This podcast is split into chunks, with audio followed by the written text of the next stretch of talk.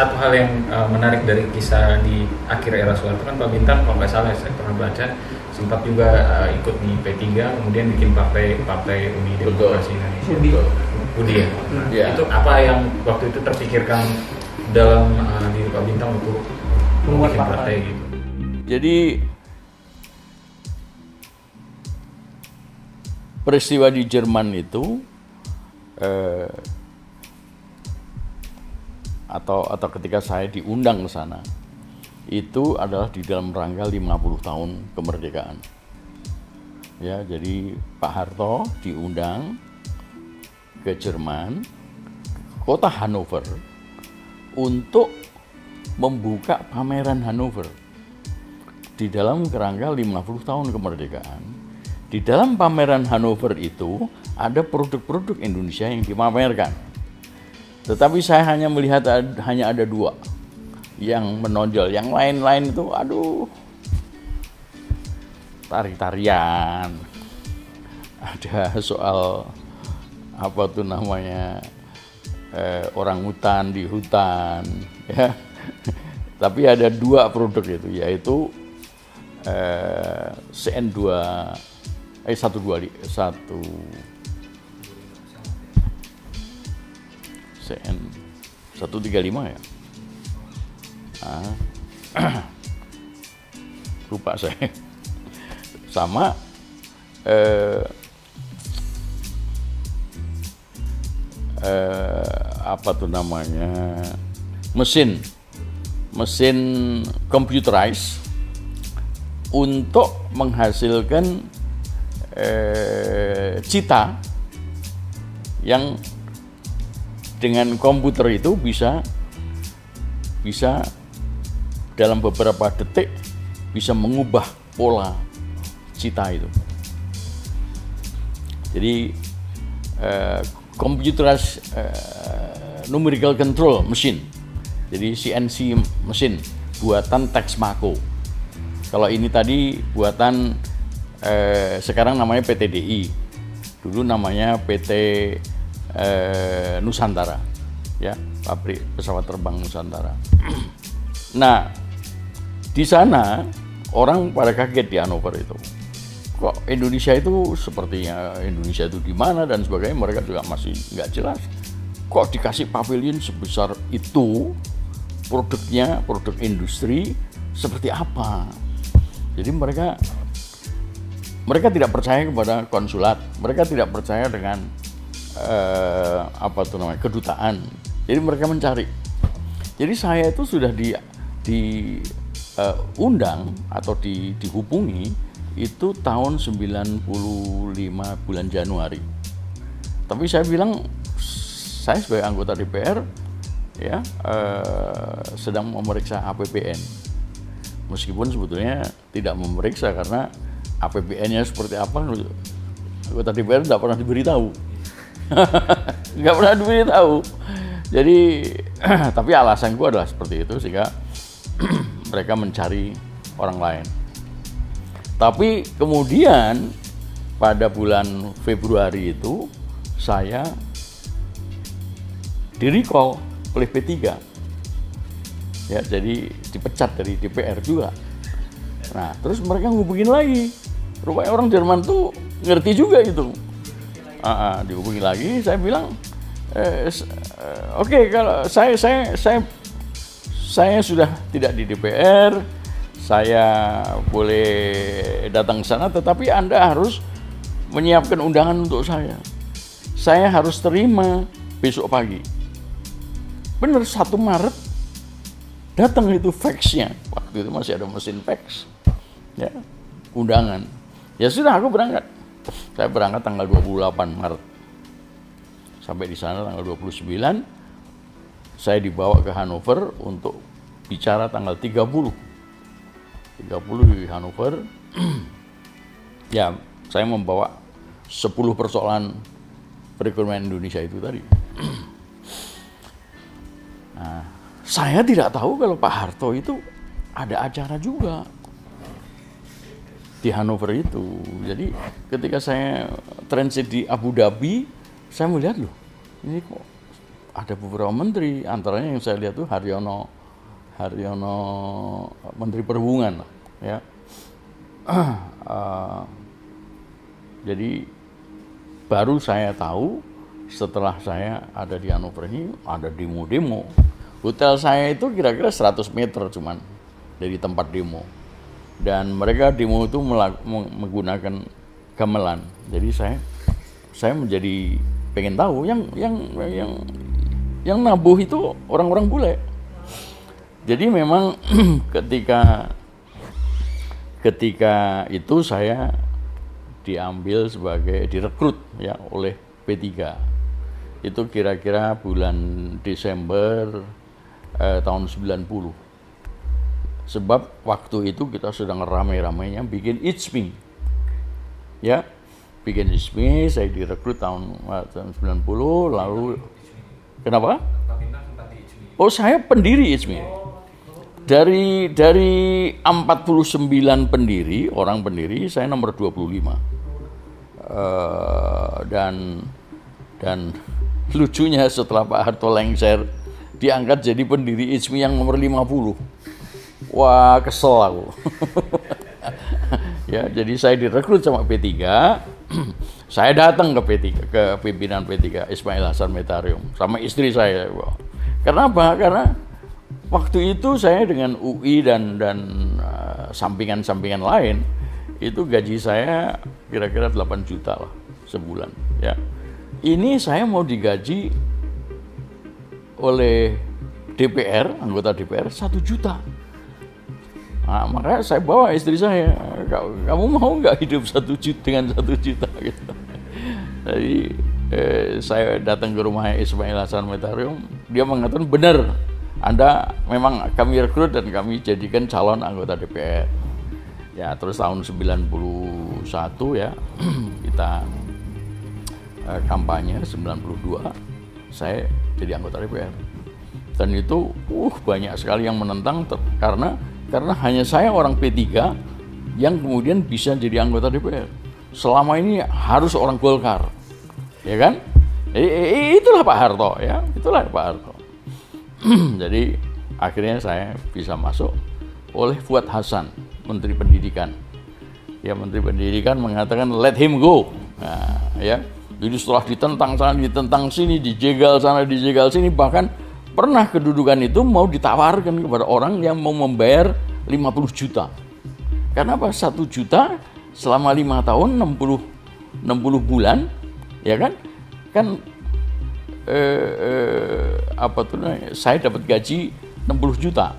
Nah, ada kalau ada orang yang mau membeli kursi saya 50 juta pun akan dikasih gitu. itu P3 gilanya kayak gitu tuh. Ya, jadi sudah main duit juga. Jadi tapi kemudian akhirnya saya masuk. Ya itulah akhirnya saya selalu bikin ulah di DPR, ya kan ngeritik Pak Harto, ngeritik kebijakan APBN, sampai akhirnya karena ada peristiwa Jerman dijadikan alasan untuk merecall saya. Ya, ya jadi saya hanya dua setengah tahun. Uh, lumayan gajinya satu juta kira-kira oh, anunya apa tuh namanya? E, pensiunnya. Nah, sampai sampai hari ini masih ada pensiun dari DPR satu juta e, berapa? Entah satu juta plus entah satu juta kurang. Jadi saya masuk P3 itu dan kemudian jadi anggota DPR maksud saya adalah mengganggu Soeharto. Tidak ada tidak ada keinginan untuk dapat jabatan apa. Saya pengen tahu isi perutnya perekonomian Indonesia itu seperti apa. Tapi ternyata kemudian saya memilih uh, apa tuh namanya fraksi AP, APBN, ya kan? Dapat kopian APBN saja nggak ada. Jadi bagaimana kita mau meriksa, bagaimana kita mau mengevaluasi Soeharto? Nggak ada. Dan satu sen pun nggak berubah dari usulannya pemerintah kepada DPR itu nggak ada yang berubah titik komanya pun nggak berubah nah kenapa kemudian saya di recall hari itu tanggal 21 Februari bentrok sama Mari Muhammad Menteri Keuangan. Tiga hari berturut-turut pas bulan puasa. Pas bulan puasa, hari terakhir sudah mau selesai, Mari Muhammad mengatakan, saya nggak suka ada wartawan-wartawan yang uh, tidak bisa memisahkan antara berita dan opini. Ya, itu itu itu tidak bisa disatukan itu. Nah, saya menganggap itu ancaman karena dia mengatakan ya menteri ya saya tidak suka sama wartawan. Jadi saya bilang itu ancaman tuh. Saya menolak pendapat menteri. Wah dia berdiri, saya tidak mengancam gitu, saya juga berdiri juga, kita saling tuding-tudingan. Terus kemudian memang akan selesai, ya kan? Jadi ditutup rapatnya, ketok palu selesai. Saya tidak tahu kalau ketua fraksi itu, yaitu Hamsahas, duduk di belakang saya. Saya tidak tahu dia dia nyerobot dari mana orang dia bukan orang fraksi APBN, ya tapi dia orang ketua-ketua fraksi P3. Kemudian turun menyalami uh, Mari Muhammad. Mohon maaf, saya juga sudah tidak tahan dengan Sri Bintang gitu ya.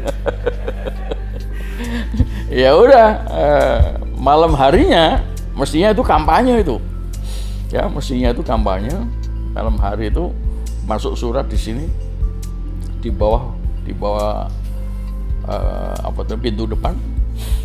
Sri Bintang dilarang kampanye untuk uh, sampai sampai akhir lah. Tapi kemudian saya kampanye di Jogja saya kampanye di uh, apa tuh namanya di Maluku dan beberapa tempat lain. Nah, ketika kemudian saya akhirnya berangkat ke Jerman, kemudian dituduh macam-macam, termasuk dituduh bikin apa seminar di sana, lalu menyebut Soeharto diktator, saya dihukum, ya kan? Tetapi hebatnya dan ini perlu mendapat catatan dari anda, ini zaman Pak Harto ya, sekejam-kejamnya Pak Harto, saya tidak ditahan. Jadi saya bebas, saya bebas menyatakan pendapat saya. Ya kan? Baik selama persidangan maupun kemudian ketika banding ke pengadilan tinggi dan kasasi ke Mahkamah Agung. Saya bebas. Tulisan begitu selesai, begitu selesai sidang, saya menulis sebarkan pada wartawan. Dan wartawan pada waktu itu atau atau pers pada waktu itu luar biasa.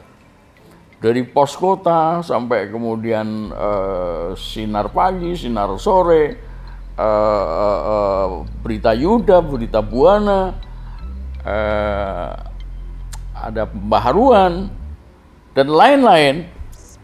Itu semua memberitakan tentang saya. Ah, betapapun ada kebebasan pers di situ. Meskipun Pak Harto selalu mewanti-wanti pers bebas tapi pers juga bertanggung jawab gitu, ya kan? Ketika saya difonis, hari itu mau difonis.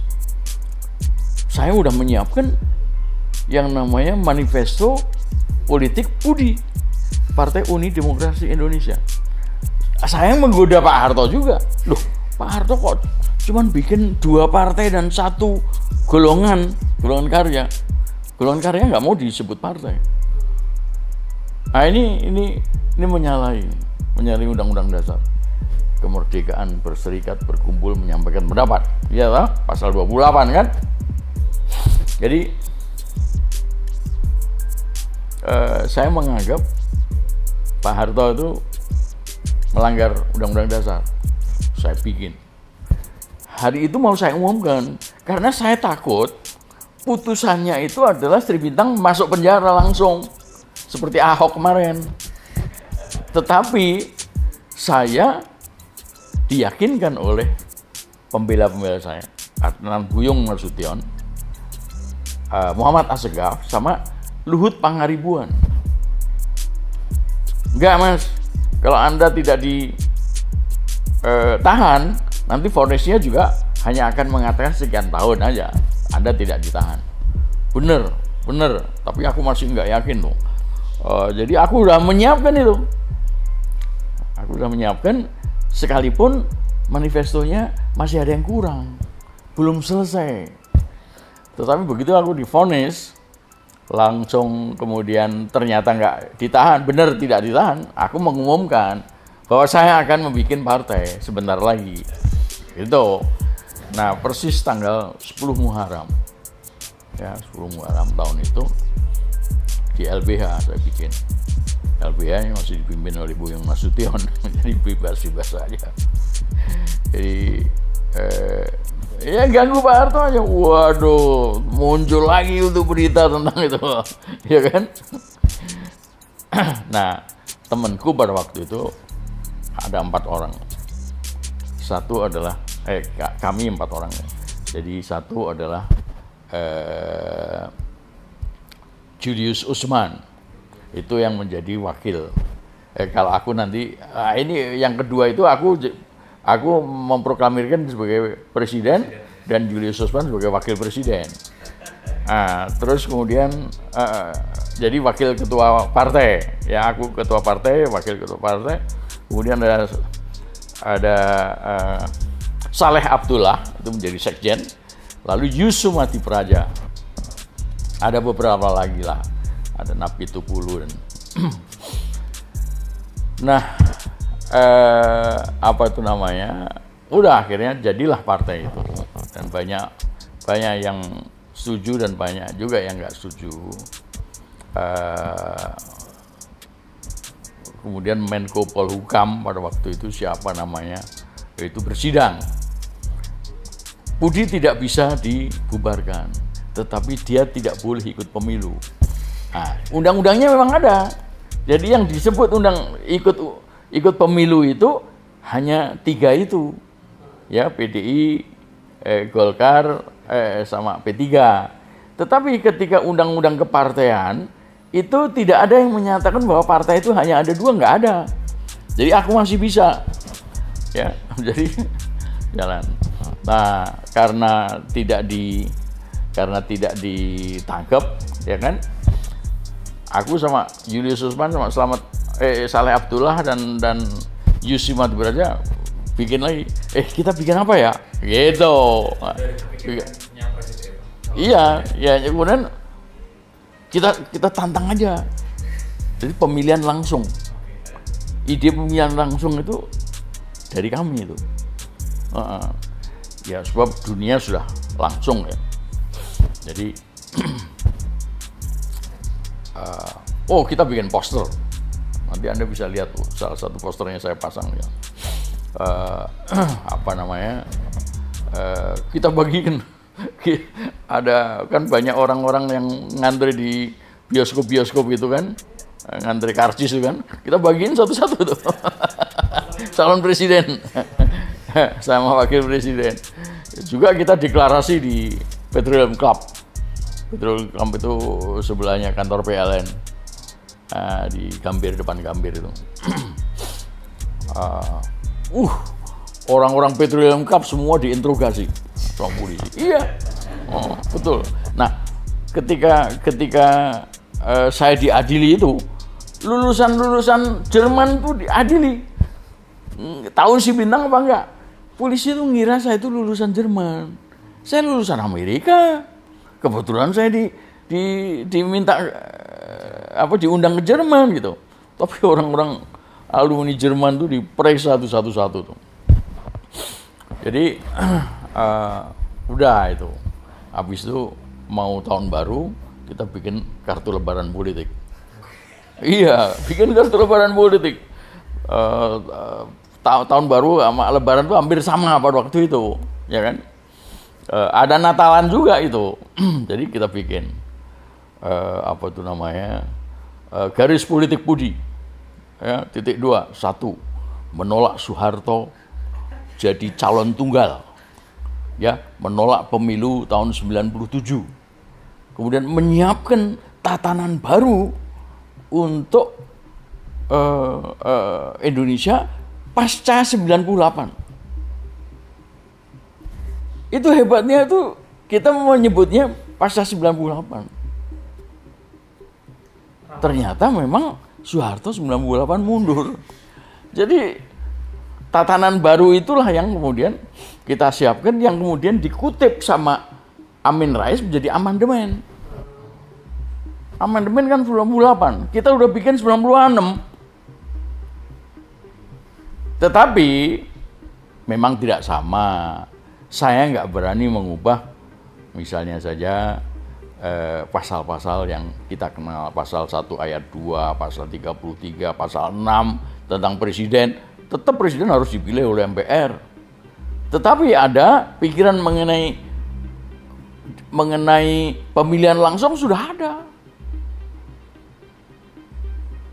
Jadi yang terpikir oleh saya kemudian ya hari ini eh, beberapa waktu yang lalu bulan April tahun lalu saya menerbitkan buku yang ke-12 yaitu Revolusi Pasca Jokowi. Di dalamnya saya tulis, oke, okay, karena pemilihan langsung itu sudah di mana-mana di dunia, tetap dari Sabang sampai Merauke orang boleh mencalonkan siapa yang mau jadi presiden. Ambillah misalnya ada seribu calon pasangan. Itu MPR yang menyeleksi. MPR menyeleksi, muncullah misalnya 10 calon. 10 calon itulah yang kemudian dipilih langsung. Ada yang mengatakan itu barat itu pemilihan langsung. Masa kok suaranya seorang tukang becak sama dengan seorang dokter? Itu alasan. Saya bilang, Bung, you ngerti Islam nggak? You ngerti nggak eh, apa tuh namanya ibadah haji? Ibadah haji itu tidak membedakan antar tukang becak sama dokter profesor, antara raja dengan rakyatnya nggak ada itu, semua sama. Itulah Islam. Jadi memilih langsung itu, di mana suara one man one vote itu nggak apa-apa. Di mata Islam tidak ada kasta. Ya kan? Nah tetapi undang-undang dasar kita 45 asli itu menginginkan dipilih oleh MPR ya udah 10 orang itu dipilih oleh MPR lalu dipilih langsung Terima kasih telah mendengarkan episode kali ini. Nantikan episode-episode selanjutnya dan jangan lupa untuk kunjungi pinterpolitik.com untuk dapatkan informasi seputar fenomena politik di Indonesia. See you next time and bye bye.